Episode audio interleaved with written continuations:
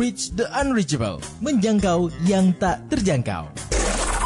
Ada begitu banyak daftar tunggu yang masuk pada kami, mereka yang mengharapkan bantuan, guru agama, mahasiswa teologi dan hamba Tuhan, dan para calon partner ini yang masuk dalam daftar tunggu, tentu kami akan carikan member atau anggota Mission Care. Siapa member itu? Mereka yang memiliki kepedulian, memiliki hati dan punya berkat untuk bisa berbagi. Satu contoh, dalam siaran ini Ibu Levina bersedia untuk menjadi member.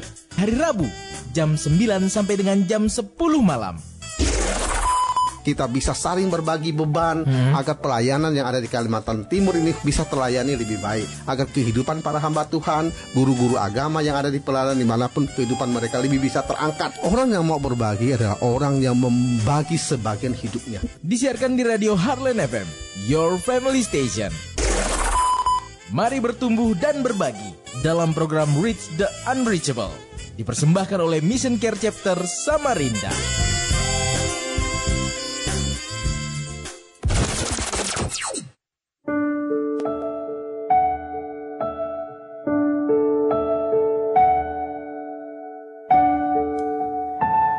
Shalom, selamat malam hari listener. Kembali lagi di ruang dengar Anda dalam satu program Reach the Unreachable, menjangkau yang tak terjangkau. Pastinya program ini dipersembahkan oleh Mission Care Chapter Samarinda dan disponsori oleh Dermaga Jaya Group, One Stop Tire Solution yang menyediakan kebutuhan Anda. Dan tentunya di malam hari ini, Mer sudah ditemani oleh uh, Sekretaris Mission Care Chapter Samarinda nih via video call. Selamat malam Pak Gideon. Selamat malam, selamat malam. Ya, apa kabar? Iya. Kabar Injil selalu. Iya. Aman ya Pak, tidak banjir daerah sana ya? Oh, kemarin banjir, tetapi tidak masuk rumah. Oh, tidak masuk rumah ya? Jalannya aja. Oke deh. Dan tentunya uh, malam hari ini dengan Pak Gideon kita membahas topik apa malam hari ini Pak? Uh, kita membahas topik tentang konsep yang tepat di masa krisis. Ya, konsep yang tepat di masa krisis. Pastinya Mayor mau perkenalkan dulu supaya mungkin ya. listener bisa mengingat lagi ya. Bapak ya. Guru Injil Gideon Manorong MA sebagai Sekretaris Mission Care Chapter Samarinda, sebagai Sekretaris DPC API Kota Samarinda, sebagai Sekretaris Panitia Natal 2019 dan Syukuran Tahun Baru 2020 DPD API Kaltim, dan juga sebagai dosen teologi dan guru pendidikan agama Kristen. Dengan topik kita malam hari ini Pak, apa tadi Pak? Konsep yang tepat di masa krisis. Konsep yang tepat konsep di masa krisis. Berarti ya. berhubungan dengan new new normal ini ya Pak ya? Mungkin. iya. Oke deh dan tentunya kita mengundang Anda listener untuk dapat bergabung di line SMS WhatsApp boleh ya di 0853 8872 2594 di 0853 8872 2594. Untuk waktunya Pak Gideon dipersilahkan. Baik. Selamat malam Bapak Ibu Saudara-saudara di mana pun Bapak Ibu bisa menerima siaran ini. Kami pengurus Mission Care Chapter Samarinda, saya mewakili mereka mengucapkan selamat malam dan kita akan merenungkan kebenaran firman Tuhan dan mendapatkan informasi tentang pelayanan uh, Mission Care Chapter Samarinda. Baiklah Bapak Ibu Saudara-saudara kita berdoa untuk memulai pelayanan kita pada malam hari ini. Mari kita berdoa. Surga, kami datang kepada Engkau pada malam hari ini. Memohon kasih karunia Tuhan dan kekuatan yang daripada Tuhan untuk menghadapi semua krisis dalam kehidupan kami, dalam keluarga kami, dalam lingkungan masyarakat kami, bahkan kami sebagai uh, masyarakat Indonesia di Indonesia dan seluruh dunia kami tahu masa-masa ini adalah masa-masa krisis yang membuat kadang-kadang hidup kami tergoncangkan. Tetapi di dalam engkau, di dalam beriman kepada engkau, di dalam pengandalan diri kepada engkau, krisis itu membuat hidup kami semakin hari, semakin melihat bagaimana pribadi Allah yang berkuasa di dalam kehidupan kami. Segala puji, hormat, kemuliaan bagi namamu ya Bapa. Tuhan atur pelayanan kami pada malam hari ini untuk memuji, memuliakan, dan membesarkan nama Tuhan Yesus Kristus. Kami berdoa dan kami mengucap syukur. Amin. Selamat malam Bapak Ibu Saudara. Kita membuka Alkitab kita di dalam dua Raja-Raja pasal yang kelima ayat 1 sampai ayat ke-19. Dikatakan Naaman, Panglima Raja Aram adalah seorang terpandang di hadapan tuannya dan sangat disayangi, sebab oleh dia Tuhan telah memberikan kemenangan kepada orang Aram. Tetapi orang itu seorang pahlawan tentara sakit kusta. Ini dimulai dengan krisis sakit kusta. Ya. Secara pribadi, Naaman itu adalah memiliki krisis pribadi. Hmm. Yang kedua, ayat kedua, orang Ar- Aram pernah keluar bergerombolan dan membawa tertawan seorang anak perempuan dari negeri Israel yang menjadi pelayan pada istri Naaman. Ayat 3, berkatalah gadis itu kepada nyonyanya, sekiranya tuanku menghadap nabi yang di Samaria itu, maka tentulah nabi itu akan menyembuhkan dia dari penyakitnya.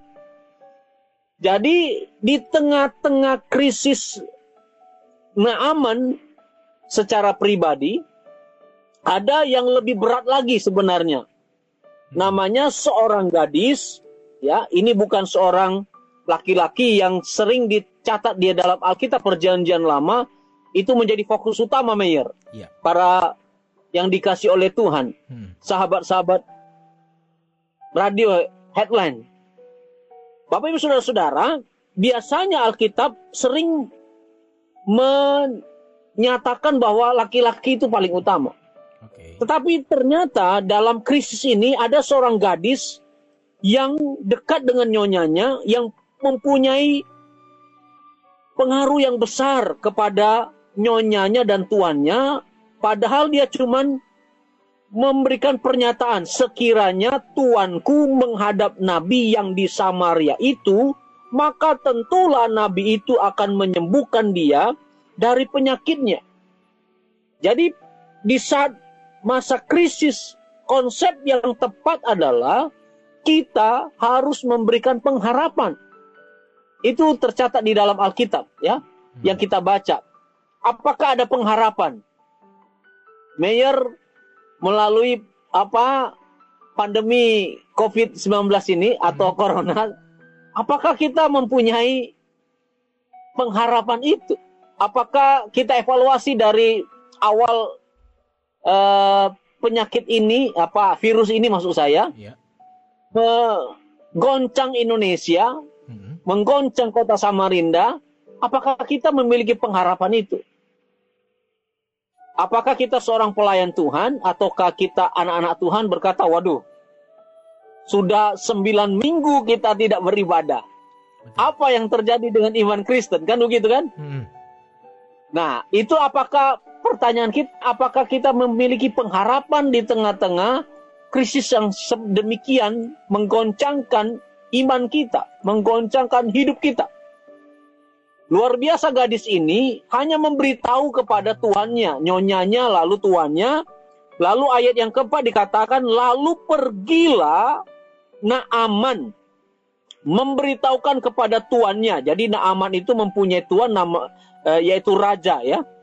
Ya, karena Naaman ini adalah seorang tentara dan dia adalah panglima Raja Aram. Jadi paling tidak tuan daripada Naaman ini adalah Raja Aram.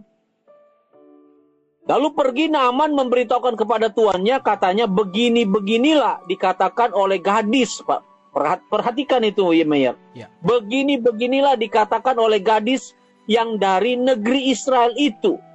Ayat 5, maka jawab Raja Aram, baik. Waduh, luar biasa ini. Hmm. Berita yang sederhana yang dibawa oleh pelayan mempengaruhi kelasnya itu kelas raja loh. Pengaruhnya itu raja. Saya bisa bayangkan kalau seandainya saya seorang apa pelayan di satu rumah tangga. Ternyata walaupun dia pelayan seorang raja apa panglima tapi tapi kan pengaruhnya dampaknya itu apakah dampak corona ini ya Bapak Ibu saudara-saudara bisa memberikan dampak yang besar dalam pengharapan kita kepada orang yang mengalami krisis daripada krisis pribadi Hmm. Raja ini berkata, baik, pergilah dan aku akan mengirim surat kepada bang kepada Raja Israel. Ba- ba- bayangkan itu. kepada Raja Israel. Lalu pergilah Naaman dan membawa sebagai persembahan 10 talenta perak dan 6000 sikal emas dan 10 potong pakaian. Ayat 6, ia menyampaikan surat itu kepada Raja Israel yang berbunyi, Sesampainya surat ini kepadamu, maklumlah kiranya bahwa aku menyuruh kepadamu Naaman, pegawaiku, supaya engkau menyembuhkan dia dari penyakit kustanya. Ayat 7. Segera sesudah Raja Israel membaca surat itu, dikoyakkannya lah pakaiannya, serta berkata, Allahkah aku ini yang dapat mematikan dan menghidupkan? Sehingga orang ini mengirim pesan kepadaku supaya ku sembuhkan seorang dari penyakit kustanya. Tetapi sesungguhnya, perhatikan, Bapak Ibu Saudara-saudara yang kasih Tuhan, Mayor, hmm. perhatikanlah dan lihatlah, ia mencari gara-gara terhadap aku. Raja Israel sendiri yang memiliki berita yang luar biasa dari seorang gadis mempunyai krisis yang sangat-sangat luar biasa secara kenegaraan. Nah, bisa kita bayangkan dampak daripada krisis pribadi sekarang ada krisis negara. Masa corona ini dari satu orang yang kena corona di Cina sana sampai seluruh dunia. sampai ke Indonesia. Betul. Nah, pertanyaannya, apakah krisis pribadi kita mempengaruhi negara kita? Apakah kita sanggup ya, sanggup dikatakan ini sesuatu yang luar biasa karena apa? Karena seharusnya Raja Israel punya pengharapan juga seperti seorang gadis ini. Nah, nanti di season yang kedua, hmm. kita akan melihat bagaimana apa yang sebenarnya terjadi dari seorang raja Ya. Tetapi sebelum itu, Mayor, perlu kita dalam season yang pertama ini perlu kita renungkan. Apa yang menjadi konsep yang tepat di masa krisis? Seperti Mayor bilang tadi, ya. Bapak Ibu Saudara, saudara mungkin sebagian tahu bahwa 1 Juni sudah mulai ada apa ya? Mulai beraktivitas, mulai beraktivitas. Normalisasi daripada kehidupan kita. Relaksasi, Pak. Iya. Relaksasi. Rencanakan ya, begitu. Ya. Ya? Iya. Jadi paling tidak kita harus memikirkan apakah pada waktu kita sudah sembilan minggu tidak beribadah hmm. ataupun kita rata-rata 10 sampai 8 eh, minggu ini kita berdiam di rumah kita menuruti kata pemerintah, kita mengikuti semua apa yang diarahkan pemerintah. Secara pribadi kita punya pengharapan enggak, Mayor? Sebagai seorang ya kan seorang yang beriman kepada Allah seperti gadis ini. Ya. Walaupun kita tahu bahwa seorang pelayan di satu negeri pengasingan gitu ya, hmm. perantauan itu kita lihat sendiri mentalnya seperti saat ini di rumah aja. Betul.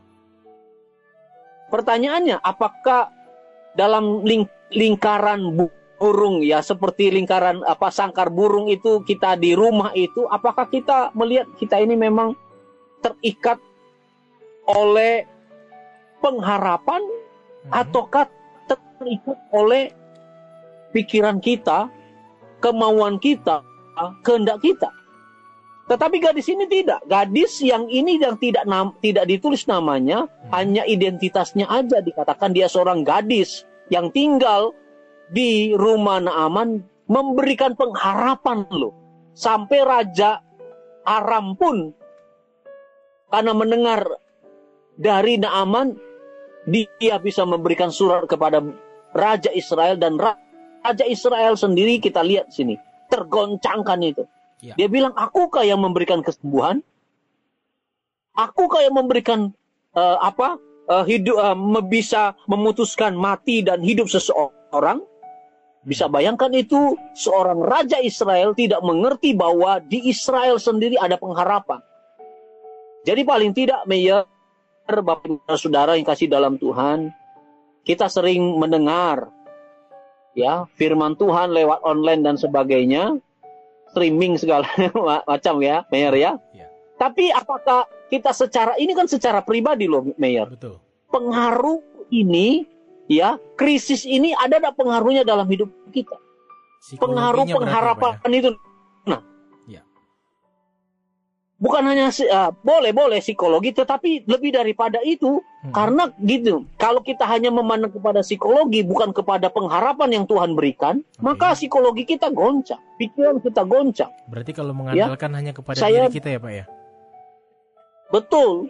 Kalau kita melihat coba kita kalau melihat melihat kemarin di TV One apa ILC itu nah. Coba Ya. bayangkan orang-orang yang merasa ya orang-orang yang merasa di kelas menengah, cobalah pemerintah seperti itu, cobalah pemerintah, cobalah pemerintah, cobalah pemerintah. Tidak ada pengharapan sedikit pun loh. Ya. Jadi kita hanya keluh kesah, apalagi itu namanya, bersungut-sungut, kan Hmm. gitu. Apakah kita murid Tuhan ini tiap kali kita mendengar ada ke, pem- apa, keputusan pemerintah kita bersungut-sungut, kita tidak memberikan pengharapan untuk diri kita, kita tidak memberikan pengharapan kepada orang lain seperti gadis ini, saya pikir firman Tuhan tidak mengatakan begitu, Bapak Ibu Saudara-saudara Mayor. Ya. Mayor yang dikasih oleh Tuhan dan Bapak Ibu Saudara-saudara yang dikasih Tuhan, saya percaya saya dan saudara harus memiliki pengharapan secara pribadi di tengah-tengah krisis pribadi. Betul. Yang sakit ini bukan seorang gadis, tetapi di tengah-tengah dia mengalami kurungan yang sangat jelas dia seorang tawanan. Dia memberikan pengharapan. Dia tidak membenci cara Tuhan untuk dia tinggal sebagai seorang tertawan, tetapi dia melakukan apa yang menjadi kehendak Tuhan yaitu memberikan pengharapan bahwa di Israel ada seorang nabi. Nanti kita akan lihat yang kedua. Di di mana ada anak Tuhan, di situ ada Tuhannya. Di mana ada Tuhan dipermuliakan, di situ ada anak-anak Allah. Mengapa kita disebut anak-anak Allah? Karena Allah sendiri sudah mengakui kita, mengampuni kita, mengangkat kita menjadi anak-anaknya. Biarlah kita menyadari, mulai saat ini jangan ada lagi persungutan dalam hidup kita.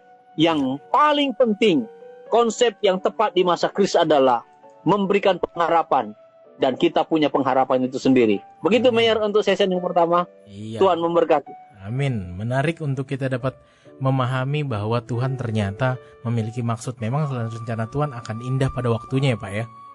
Betul. Iya. Dan pastinya listener seperti biasa kami mengundang Anda untuk dapat bertanya, untuk dapat mungkin ingin lebih memperdalam apa yang menjadi topik kita pada malam hari ini di line SMS dan WhatsApp di 0853 8872 2594 di 0853 8872 2594 dan pastinya Reach the Unreachable akan segera kembali.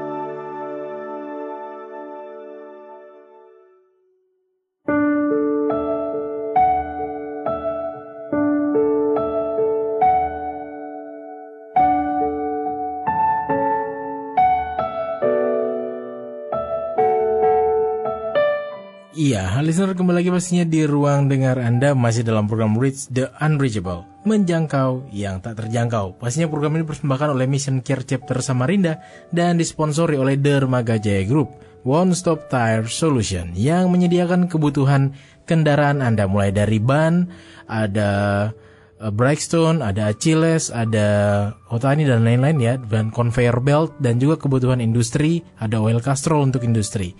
Pastinya dapat menghubungi langsung ke Dermaga Jaya Group One Stop Tire Solution.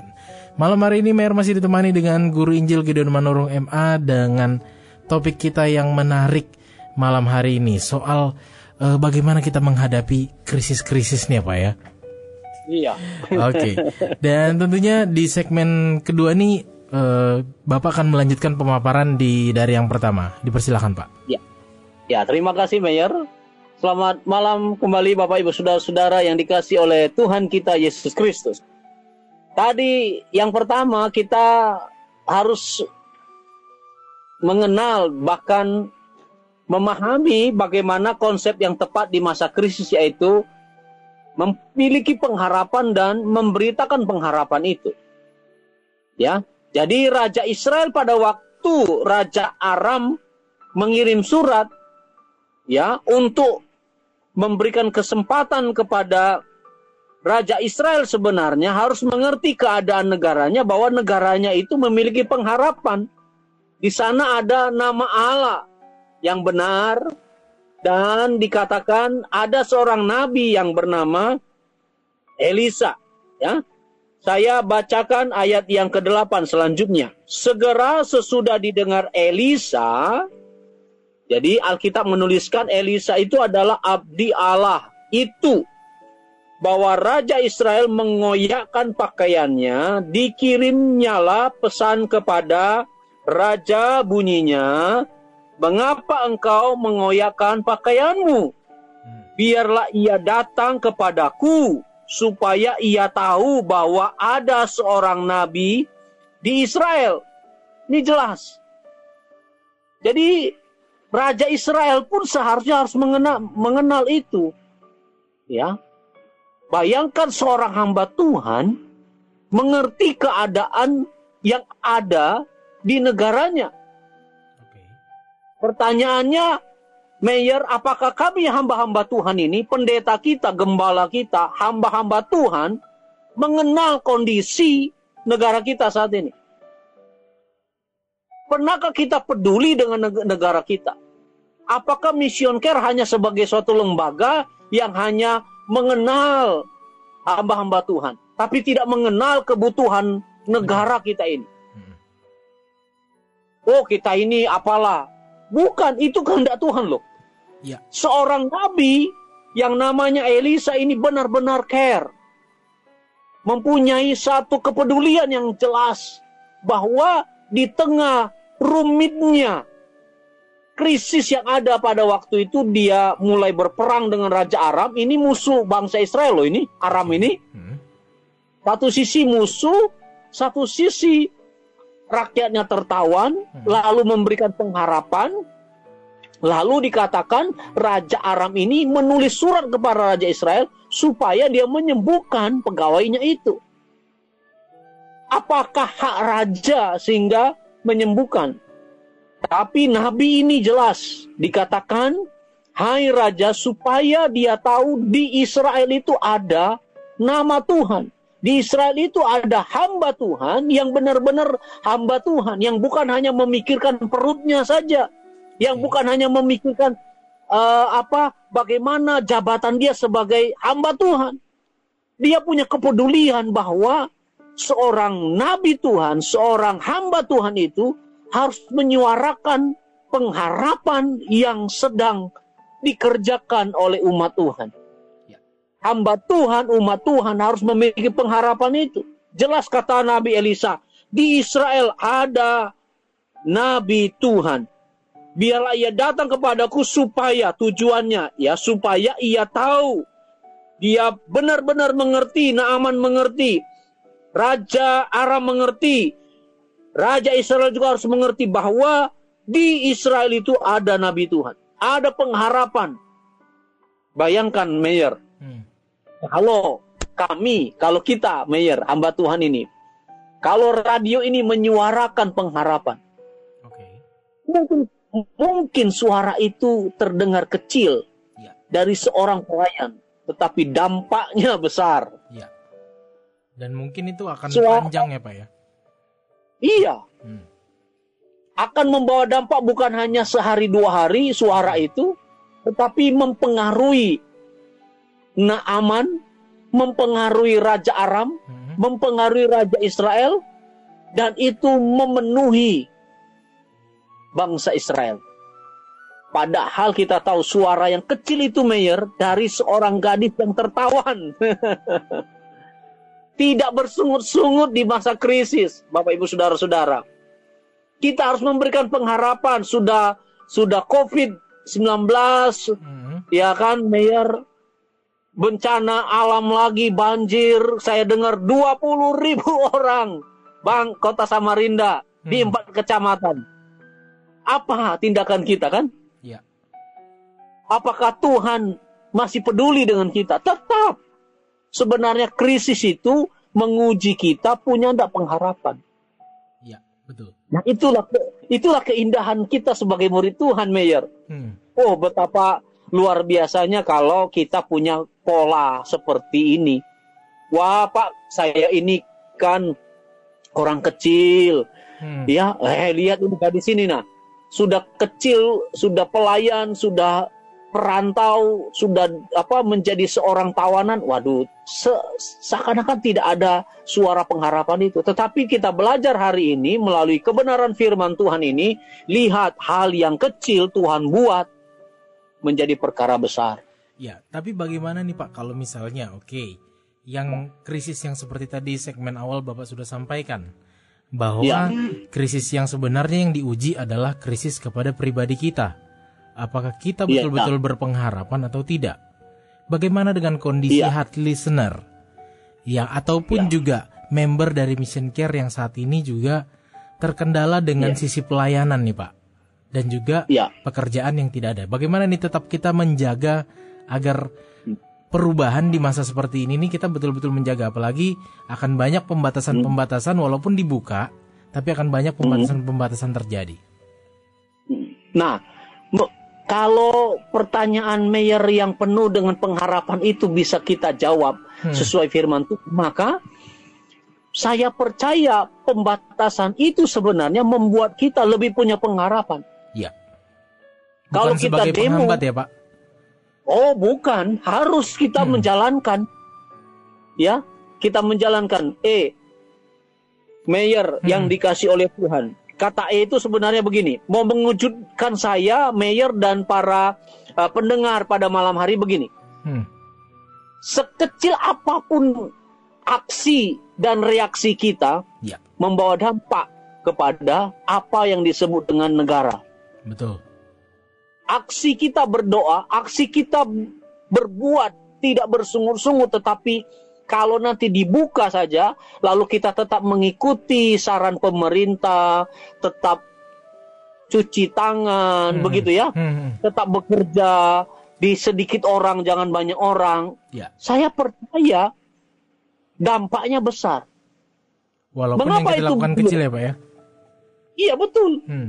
Karena apa? Karena kita belum melakukan hal yang kecil itu. Berarti kita Karena Tuhan mengajar kita Nah, sibuk kita dengan pemikiran ya. Pemikiran di sini nih.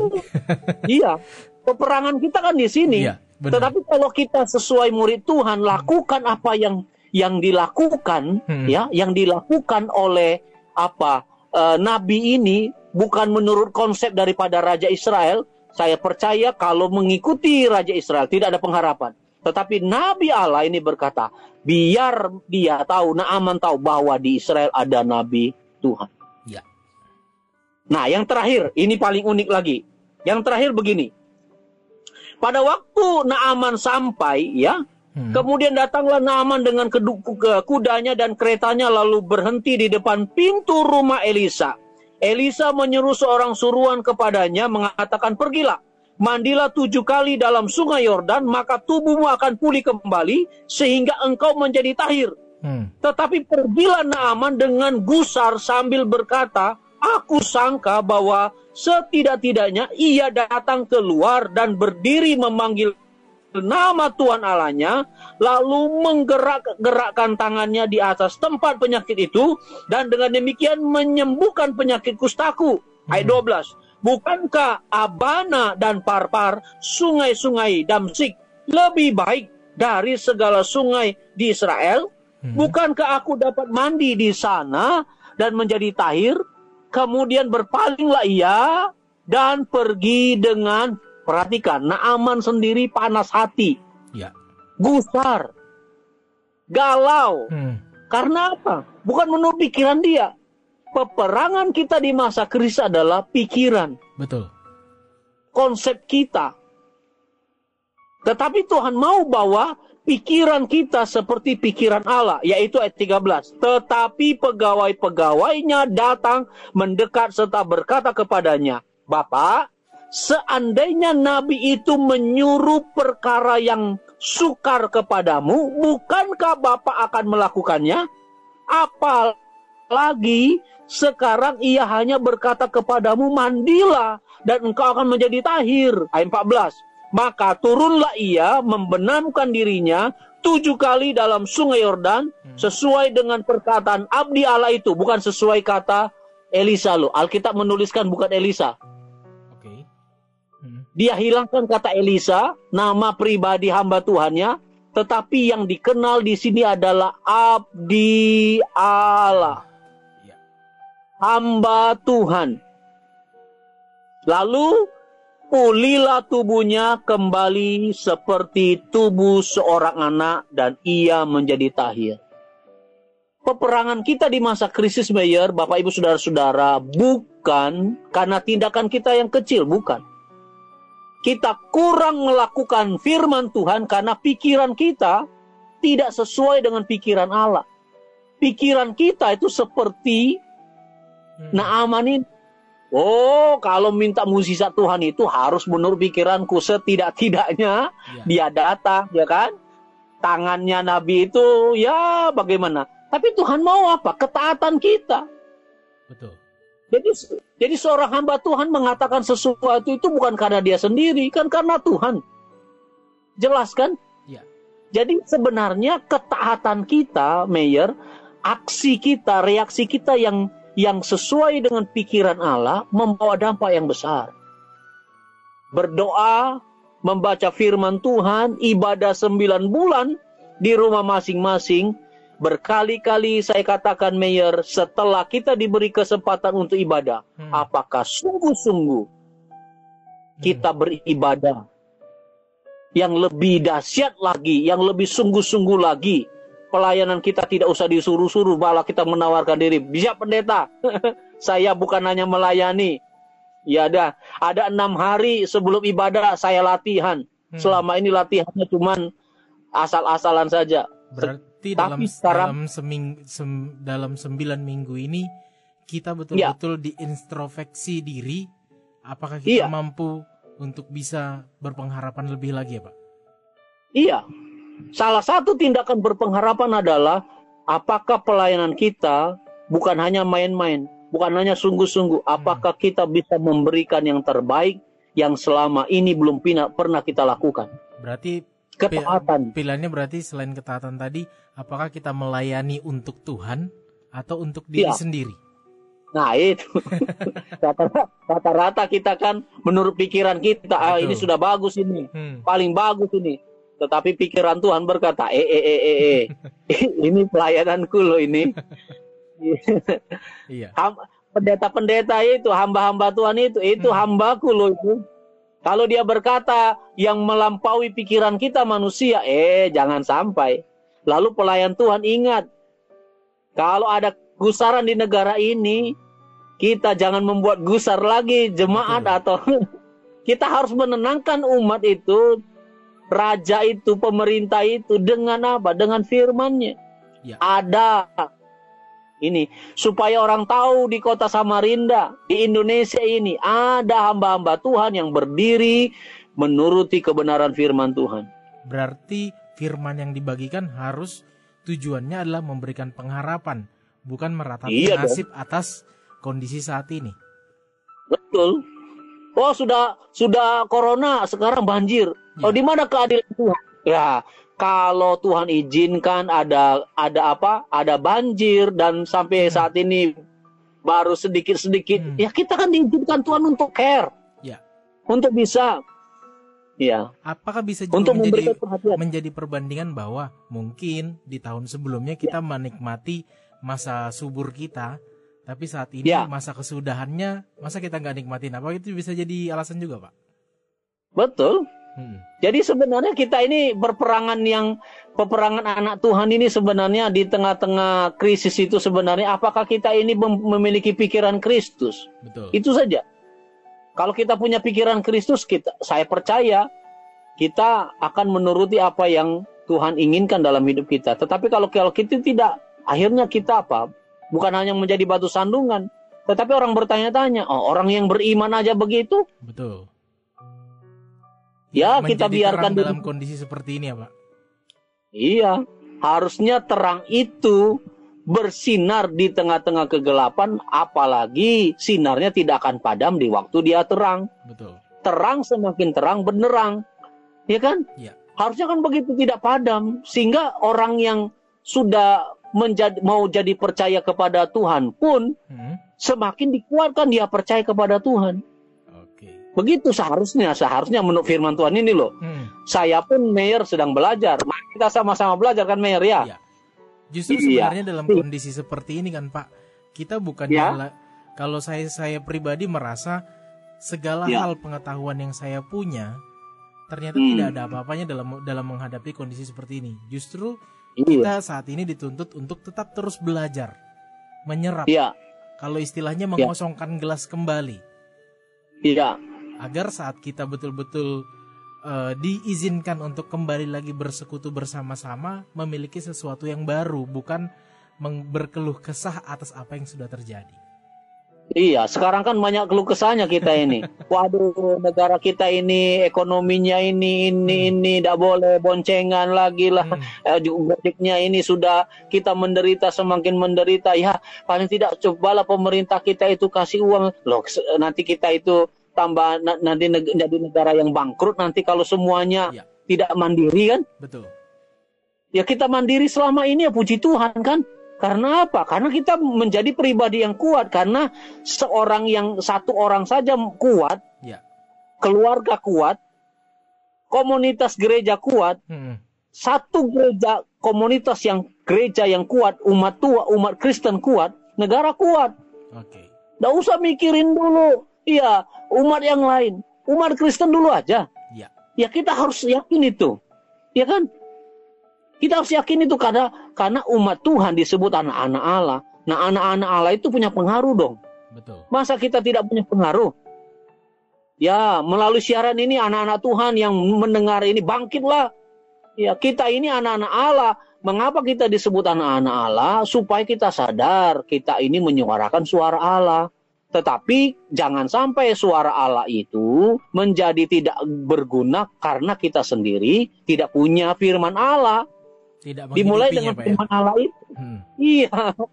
Sehingga ganti kita ganti sungut-sungut semua yang ingin demo, semua yang ingin apa melawan pemerintah, melawan diri sendiri, melawan keluarga, melawan apa, ya kita musnahkan itu semua. Yang kita lakukan adalah ketaatan kepada Allah, ketaatan kepada pemerintah, ketaatan kepada pemimpin, ketaatan kepada keluarga, ketaatan kepada diri kita sendiri, ibadah, doa, doa, baca firman, baca firman. Jangan ber- berbuat dosa ya, jangan berbuat dosa. Justru doa harus lebih dikuatkan gitu ya, Pak ya. Iya, seharusnya kan, oh masa corona ini tidak enak karena apa? Karena kita eh, hanya diam saja. Nah, masa berdiam itu ya banyak doa dan puasa dong. Betul. Dan Iya, justru kita kan harus mencari banyak- kegiatan yang lain. Kegiatan yang kadang-kadang kan kalau kita Tuhan Hmm. itu justru bisa membukakan talenta-talenta lain dalam kondisi seperti Betul. ini, Pak. Iya, seharusnya kan pada waktu kita ke sembilan minggu itu lebih banyak doa dan puasa, lebih dekat dengan Tuhan. Hmm. Ya, walaupun tidak ada gaji, segala, eh, siapa tahu nanti sudah masuk gajinya berlipat kali ganda. Ini kan begitu. Betul. Ya, ekonomi Indonesia semakin dua kali lipat majunya oleh karena apa? Banyak orang murid Tuhan, anak-anak Allah itu berdoa dan berpuasa. Karena apa? Di dalam doa dan puasa bukan kita menawan hawa nafsu. Doa dan puasa orang Kristen adalah bagaimana kehendak Allah terjadi. Amin. Ya kan itu membawa dampak ekonomi kita, ekonomi keluarga, ekonomi negara. Karena apa? Ada anak-anak Tuhan yang berdoa dan puasa. Seharusnya semakin banyak seperti kita dalam tanda petik. Saya bilang tadi, Mayor. Ya. Kurungan itu kan, disangkar itu kan. Oh, selama ini banyak kesaksian orang yang menjadi, oh, misalnya ustadz yang menjadi apa percaya kepada Tuhan Yesus. Mengapa dia di penjara? Hmm. Mengapa dia mau mau di penjara? Yusuf Hmm. Roni di penjara. Sarifudin di penjara. Hmm. Pada waktu di penjara ngapain dia? Doa dan puasa. Baca firman. Nah kita baru 9 bulan aja dalam kurungan dalam tendi eh, pandemi corona itu kita iya kita kita tidak gunakan dengan doa dan puasa ya mudah kiranya lah kita sadar karena apa lebih banyak membaca dan merenungkan firman Tuhan itu kesempatan kita yang selama ini malas membaca dan doa dan puasa kita punya niat rohani yang kuat gitu Mayor Iya. Oke, dan tentunya di menjelang menit-menit terakhir terkait mission care sendiri nih, Pak. Dalam Ya. masa seperti ini apa nih yang mission care lakukan? Ya, yang saya tahu eh, secara nasional Mission Care sudah memberikan apa eh, makanan ya gitu ya kepada Gojek dan sebagainya orang-orang yang terpinggirkan Mhm. di seluruh Indonesia terutama Jawa. Ya. Nah, kita yang chapter Samarinda ini mendukung eh, apa yang sudah dilakukan. Para member yang dari chapter Samarinda ada du- ada beberapa yang memberikan. Oke. Nah, baru tadi saya menyerahkan eh, dana untuk member kita yang yang sungguh-sungguh sangat membutuhkan. Ya. Ya, semuanya membutuhkan sih. Hmm. Ya, contohnya rumahnya Pak Sur ya, Ya. rumahnya rumahnya Pak Budi, rumahnya Ibu Dewi gitu ya. Mhm. Itu ada beberapa member kita yang di Bumi Sempaja itu, oh aduh airnya luar biasa. Banjir ya. Nah, itu. Ya. Nah, sudah kena corona, kena lagi banjir. nah, puji nama Tuhan. Tapi kondisi sehat-sehat Ah. aja Pak member ya. Ya, puji Tuhan. Hmm. Walaupun mereka capek, sungguh pastilah Ya. banjir itu pasti capek, capek pikiran, capek tenaga. Iya, tadi saya baru apa menyampai eh, menyerahkan eh, dari apa dari member chapter Samarinda Mhm. ya mission chapter Samarinda untuk mem, apa pengurus ya, Ya. Pak Yesasa. Ya, Kebetulan Ah, Pak Esa dari Pak juga kena banjir juga ya Pak ya. iya kena dia. Hmm. Ya kita doakan supaya Pak Yesasa kalau mendengar berita ini, mendengar radio ini Minggu semakin ya. dikuatkan. Hah? Minggu depan bisa hadir. gitu. iya iya. Oke. Dan Ya juga itu buat yang. partner Pak. Nah kalau partner tolong doakan karena eh, kita pengurus dan member ini sedang mengumpulkan dana untuk bulan satu bulan perta eh, bulan Januari sampai Juni Oke. untuk pembagian subsidi rencana nanti kalau ndak Agustus ya September. Yap. Ya. Mhm. Ya, jadi paling paling tidak kita tetap menuruti apa yang diarahkan oleh pemerintah. Apakah nanti kita tetap mengadakan acara kita tidak ngerti. Tapi paling tidak kita doakan member dan pengurus dikuatkan untuk untuk subsidi yang pertama di tahun 2020 ini Mhm. dan kita sudah melakukan banyak aksi ya secara nasional kita dukung secara nasional secara chapter ya ya secara chapter eh, Mission Care chapter Samarinda eh, tetap ya eksis dan membantu mendukung dan bagi Bapak Ibu yang mendengar siaran ini kalau karena sudah tahu bahwa ada beberapa apa namanya eh, member yang eh, rumahnya tergenang oleh air Mhm. ya bisa memberikan dukungan doa terutama lalu dukungan dana ataupun apa pun yang menurut Bapak Ibu bisa diberikan berikanlah kami siap menyalurkannya Oke. ya Tentunya dan tentunya sebelum menutup perjumpaan kita nih Pak di menit ke-52 ini apa yang menjadi kesimpulan kita malam hari ini dan pastinya Pak Gideon nanti akan menutup kita dalam doa. baik Bapak Ibu saudara-saudara yang kasih dalam Tuhan Mayor dan bagi kita semua kita ingat bahwa tujuan Tuhan selalu ada pada kita karena kita ini orang yang sudah ditebus oleh kita bukan seperti orang dunia yang hanya mengenal dunia. Ya. Kita anak-anak Allah seharusnya mengenal Allah, pribadi Allah, kehendak Allah dalam kehidupan, bahkan pikiran Allah kita harus harus punya. Hmm. Kita memulai dengan hal yang kecil, walaupun tertindas, walaupun punya krisis yang amat dalam, ingat jangan bersungut-sungut. Ya. Yang kedua, kita bersungguh-sungguh untuk mengenal bagaimana Allah bekerja menurut pikirannya, bukan menurut pikiran kita.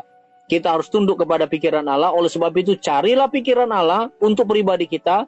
Kita cari pikiran Allah untuk keluarga kita.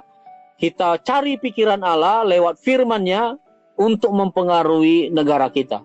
Karena negara kita, kota kita sedang membutuhkan kehidupan kita yang mau melakukan segala sesuatu dimulai dari yang kecil, yang kelihatannya sederhana, yang kelihatannya amat-amat mustahil, Hmm. bagi Tuhan tidak mustahil. Dan itu dikerjakan oleh Tuhan bagi kita yang sungguh-sungguh melakukan aksi dan reaksi yang benar menurut firman Tuhan. Amin. Sehingga melalui radio ini banyak yang mendengar bahwa orang Kristen, orang yang percaya kepada Tuhan, murid Tuhan itu memberikan pengharapan bukan malah mengacaukan dunia ini dengan kegalauannya. Dunia ini sudah galau, tapi jangan sampai orang Kristen menjadi kacau dan mengacaukan. dunia ini boleh galau, Mayor, Mhm. tapi kita memberikan pengharapan. Iya. Ya, Oke, dan tentunya sebelum menutup perjumpaan kita Pak, tutup kita dalam doa. Oh, Oke, baik Bapak Ibu Saudara-saudara, kami sudah memberikan informasi tentang apa Mission Care. Tolong doakan terus pelayanan daripada Mission Care untuk membantu hamba-hamba Tuhan, bahkan juga mendukung eh, guru agama Kristen dan juga mahasiswa teologia yang bersedia menjadi member pemberi subsidi. Silakan menghubungi eh, nomor kami 085388722594 dan bisa mentransfer dananya nanti mayor di akhir acara ini akan menyebutkan Ya. kalau yang Bapak Ibu mau juga membagi kasih ya dompet peduli lah istilahnya Hmm. kepada para member yang ken- kena banjir ataupun teman-teman saudara-saudara kita yang kena banjir tulis dengan terang supaya pada waktu diberikan dana itu dana itu untuk apa Iya. ya supaya kita mengen- me- me- menyalurkannya tidak ragu-ragu sebagai pengurus Mission Care Chapter Samarinda. Dikirimkan Saya berdoa. Bapak ya. Ya, boleh. Hmm. Jadi paling tidak kami berdoa kepada Pak Sur sebagai Presiden Chapter yang rumahnya kebanjiran, Pak Budi, Pak Ibu Dewi, Hmm. begitu juga dengan Pak Yes Asa, ya Pak Yamto juga.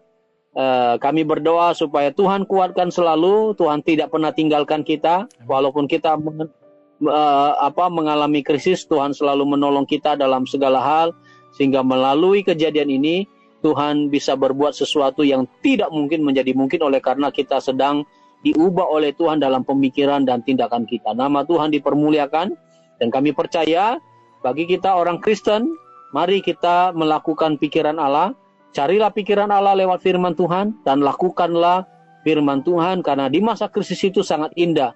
Kita sedang membaca lebih dalam firman Tuhan, berdoa lebih dalam tentang dia, tentang pribadinya, ber- bahkan kita yang tidak pernah puasa, kita menjalankan puasa kita sebagai orang Kristen karena apa? Puasa kita bukan untuk menahan hawa nafsu, lapar dan sebagainya.